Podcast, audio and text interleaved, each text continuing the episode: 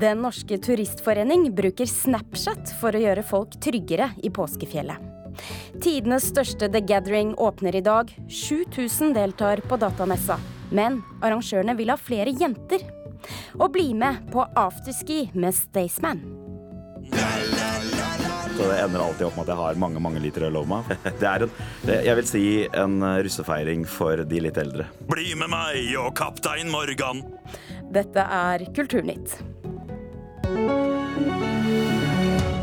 Mitt navn er Stine Tråholt. Velkommen skal du være. I fjor så måtte Røde Kors ut på 189 henteoppdrag i påskefjellet og plukke opp folk som ikke kom seg ned på egen hånd. Været kan som kjent skifte plutselig i fjellet, og nå tar flere av hyttene til Den norske turistforening i bruk Snapchat for å kunne varsle om akkurat det.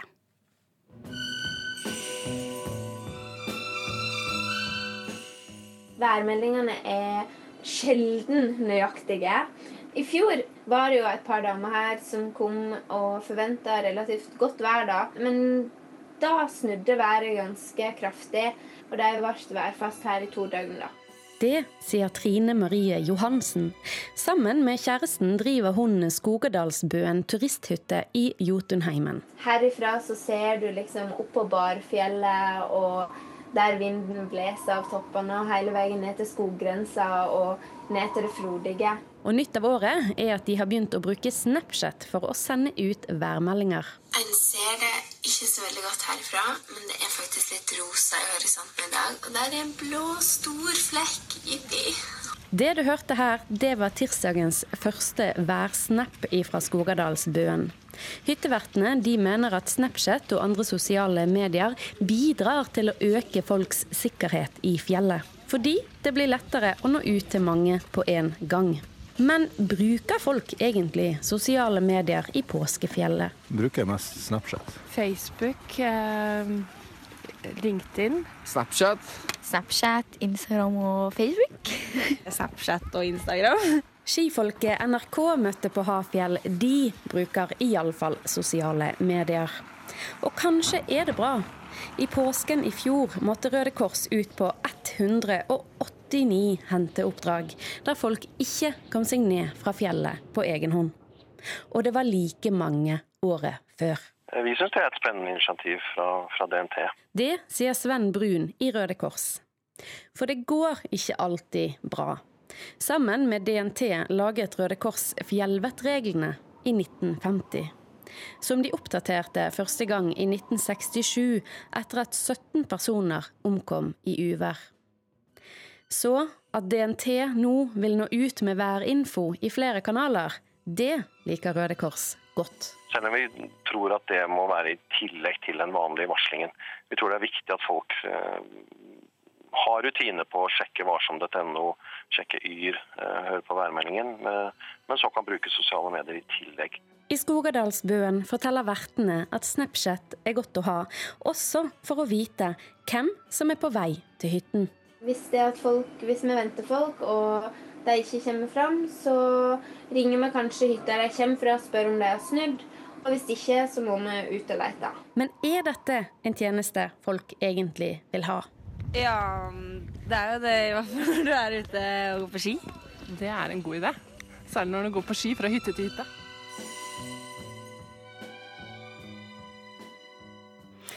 Og reporter Hanna Huglen Revheim hadde laget dette innslaget.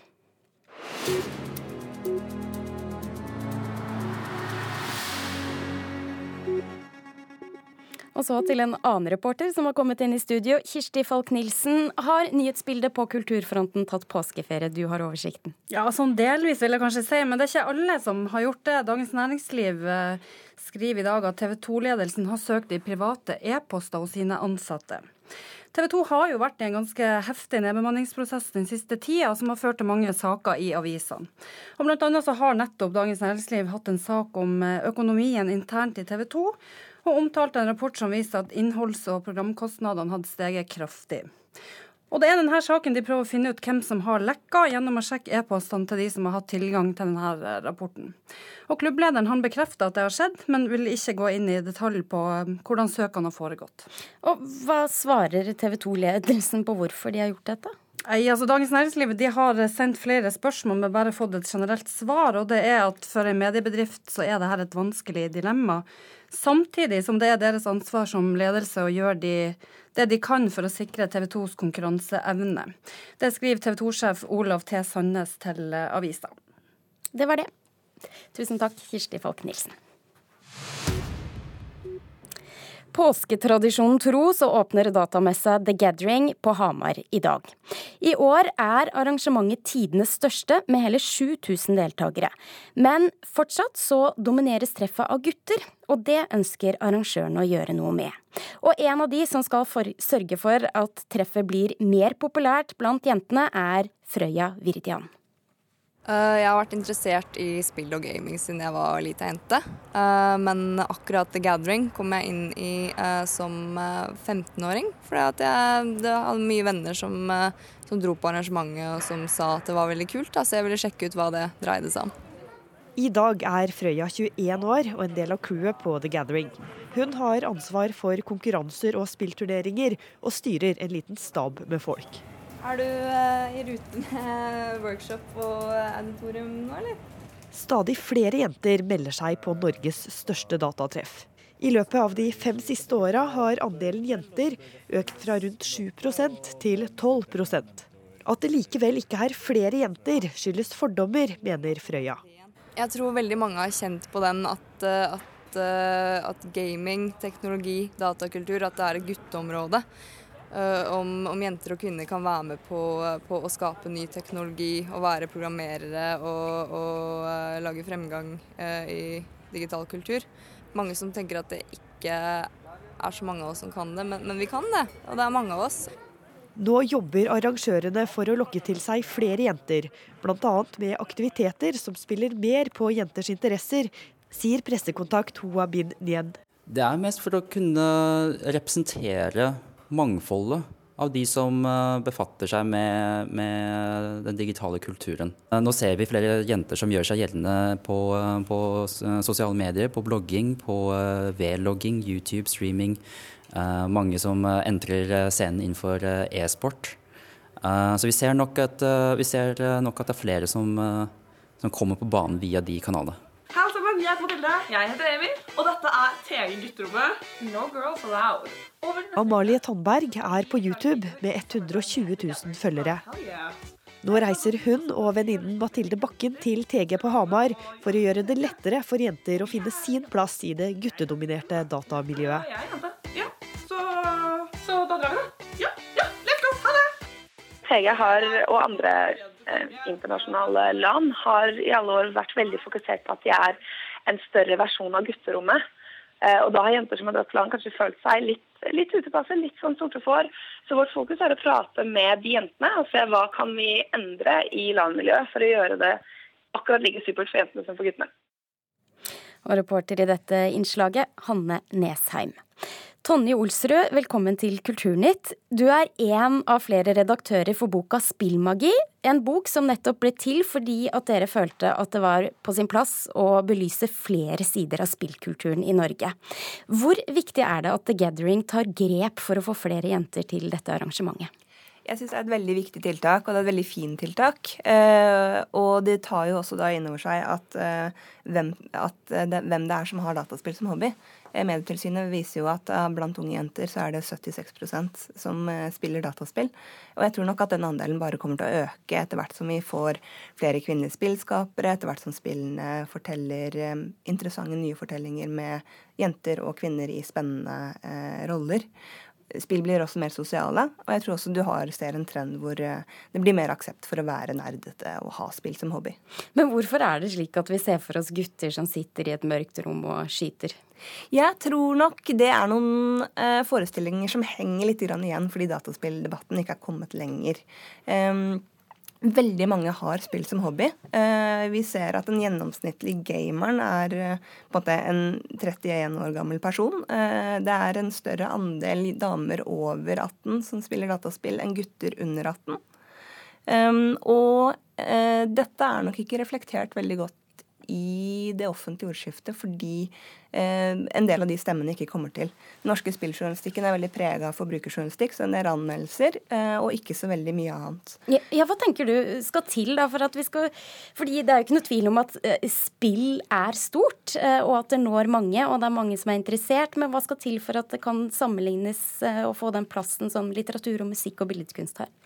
Eh, det, har, det, er nok et kulturuttrykk som har en ganske lav status. Eh, og på mange måter så er jo det et resultat av at det er, eh, altså det er et underholdningsmedium. Men det er ikke bare et underholdningsmedium, for det er også veldig mye spennende som skjer innenfor dataspill. Og du har Eh, altså Du har disse store blockbusterne som er å sammenligne med, eh, med actionfilmer, men du har også veldig mye annet spennende som spirer og gror.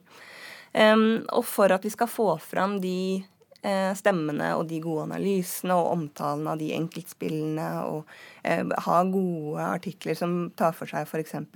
Eh, eh, både innholdet i enkeltspill, men, men, også temaer som tas opp der. Eh, så må vi ha flere, flere skrivende spilljournalister, og da ser det veldig dårlig ut når veldig mange norske eh, aviser enten kutter ned på spilljournalistikk eller kutter ut spilljournalistikk.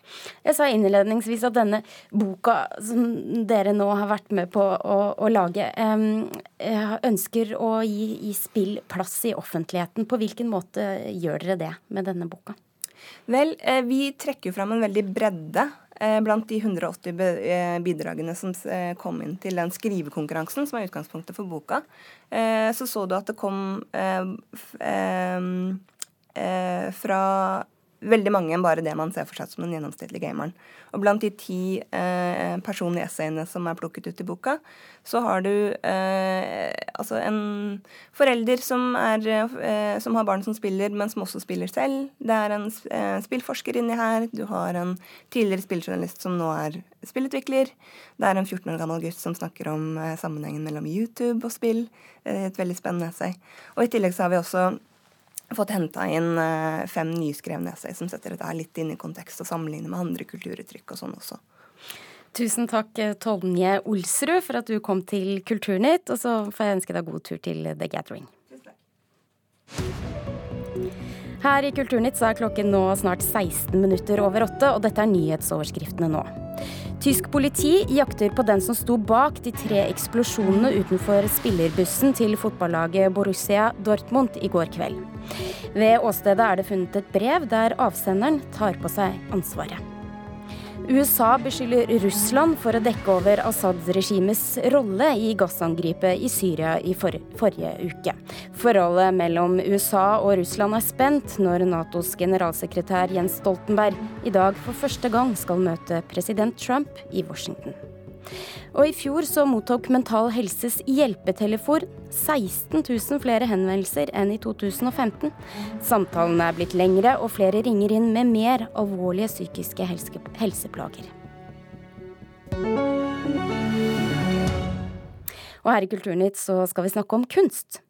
Døden er tema i en større utstilling i Herregårdsgalleriet F15 på Jeløya i Moss, som vises i disse dager. Og nettopp døden har til alle tider vært et viktig tema for kunstnere. Mona Palle Bjerke, kunstkritiker her i NRK. Hva er det som gjør denne utstillingen så spennende? Jeg syns det er interessant å se hvordan kunstnere går inn i denne tematikken i dag. Som du sier, så er dette liksom en eldgammel tematikk i kunsthistorien. Man har jo hatt disse momento mori-tematiseringene i barokken f.eks. med stilleben. Og egentlig så skyver vi jo litt inn, unna dødstematikken i dag. Vi er opptatt av evig ungdom, vi er opptatt av å på en måte rømme fra alderdommen. Eh, og liker vel ikke spesielt godt å snakke om døden. Men her er det altså tolv eh, nordiske kunstnere som går inn i denne tematikken eh, på veldig ulike måter. Og hvilken måte gjør de det på? Ja, Noen går ganske direkte inn, sånn som kunstneren Claudia Reinhardt Teljer. Eh, som da er representert med bildeserien 'Tomb of Love'. Der hun har da gått inn i historien og gravd frem ulike kollektive selvmord. Mennesker som har stått hverandre nær, og som rett og slett har ønsket å dø sammen. Og dette er historiske skikkelser som Arthur Køstler med kone, og også Lotte og Stefan Schweig og mange andre. Og det er, det er jo ganske morbide bilder, egentlig, hvor vi ser liksom folk som er skutt i hodet, eh, folk som ligger da kvalt i hverandres favn, eller også kullosforgiftning. Så det er dramatiske og, og smertefulle bilder. Mm. Er det derfor Fordi denne utstillingen har fått en anbefalt aldersgrense på tolv år. Er det grunnen? Ja, det er nok noe av grunnen, men jeg vil også nevne at dette er jo ikke reelle likfotografier. Dette er jo iscenesatte eh, bilder, hvor hun da sikkert har hatt en veldig god eh, sminkør, eh, men der hun da iscenesetter disse eh, historiske eh, kollektive selvmordene og skaper små fortettede fortellinger. Altså, det var ett eksempel på noe man kan se i denne utstillingen. Men også terroristen Anders Behring Breivik er til stede. På hvilken måte? Ja, Det er faktisk et av de sterkeste sånn memento mori-øyeblikkene i denne utstillingen. Der er eh, nemlig Sverre Malings retts, en av Sverre Malings rettstegninger tatt med. Det var disse tegningene han tegnet under rettssaken, 22. Eh, juli-rettssaken. Og en av disse er viet et helt rom.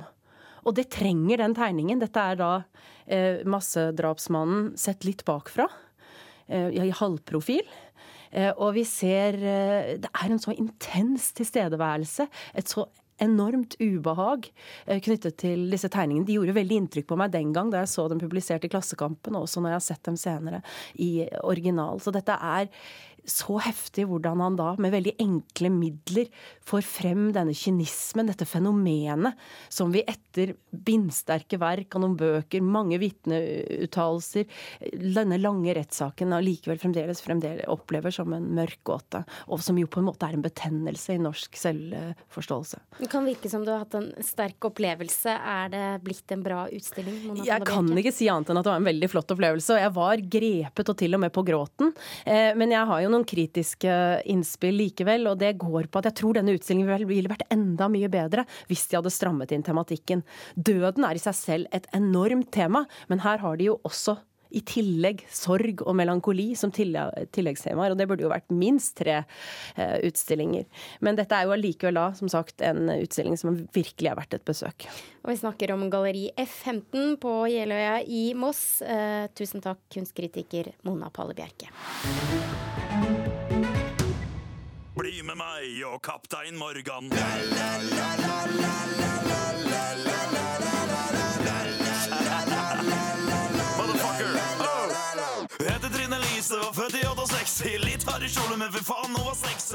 Fenomenet afterski har vokst seg godt inn i popkulturen. Og en av de som har bidratt sterkt til dette, er artist og låtskriver Stian Torbjørnsen. Bedre kjent som Staysman i den norske musikkduen Staysman og Lass. Velkommen til Kulturnytt. Tusen, tusen hjertelig takk. Hvordan trives du med å underholde på afterski for påsketurister? altså det er eh, Det finnes nesten ikke noe bedre. Det, det, er så utrolig god stemning. Det virker liksom som om Altså vinteren er i ferd med å ta slutt, og det skal feires.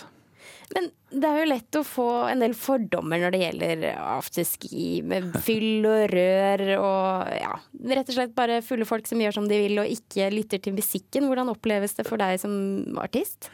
Ja, jeg kan ikke avkrefte de fordommene, for det er vel full rør. Og, men samtidig, altså, folk må få lov til å ha det gøy og feire. og det, er, det, går i mye litervis med pils, og det er hoiing og skriking og um, kanskje til en viss grad umoralsk oppførsel, men altså, det er påske en gang i året, og folk må få lov til å kose seg.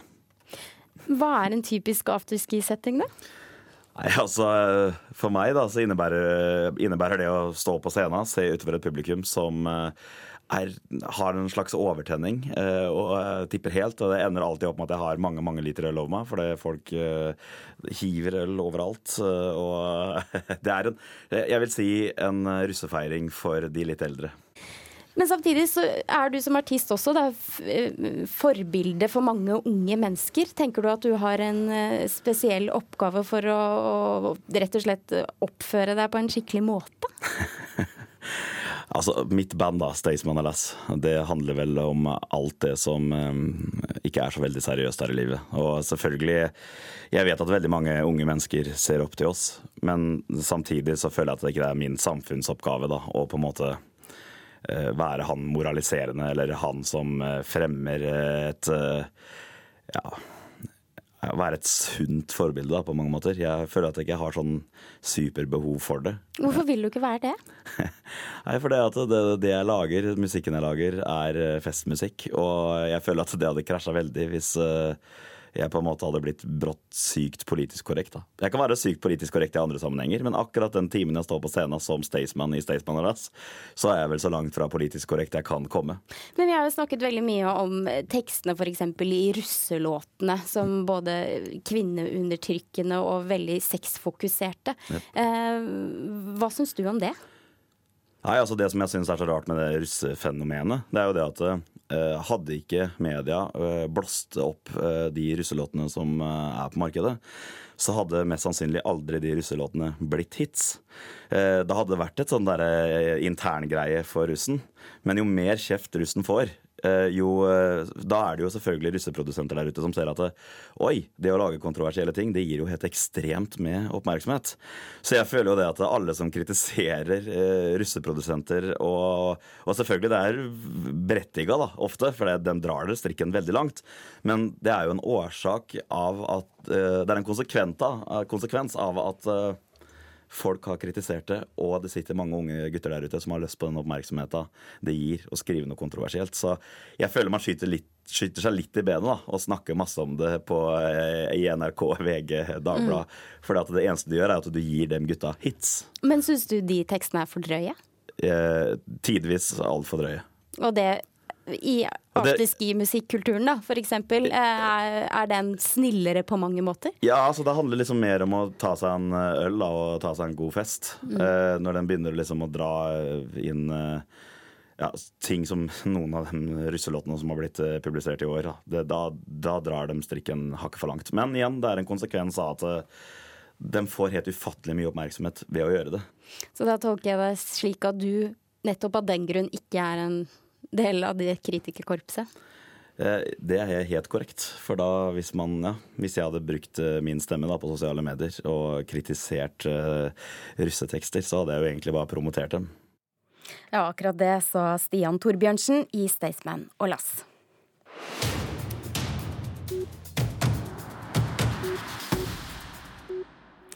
Salget av brettspill har økt de siste årene, og for deg så er kanskje påsken en tid til å spille nettopp brettspill. Og nå skal du få med deg noen gode tips. Og vi har fått hjelp i studio. Velkommen, Remo Reder. Hei. Du driver nettstedet spill, brettspillguiden.no. Aller først, hva, hva, er det beste med brettspill?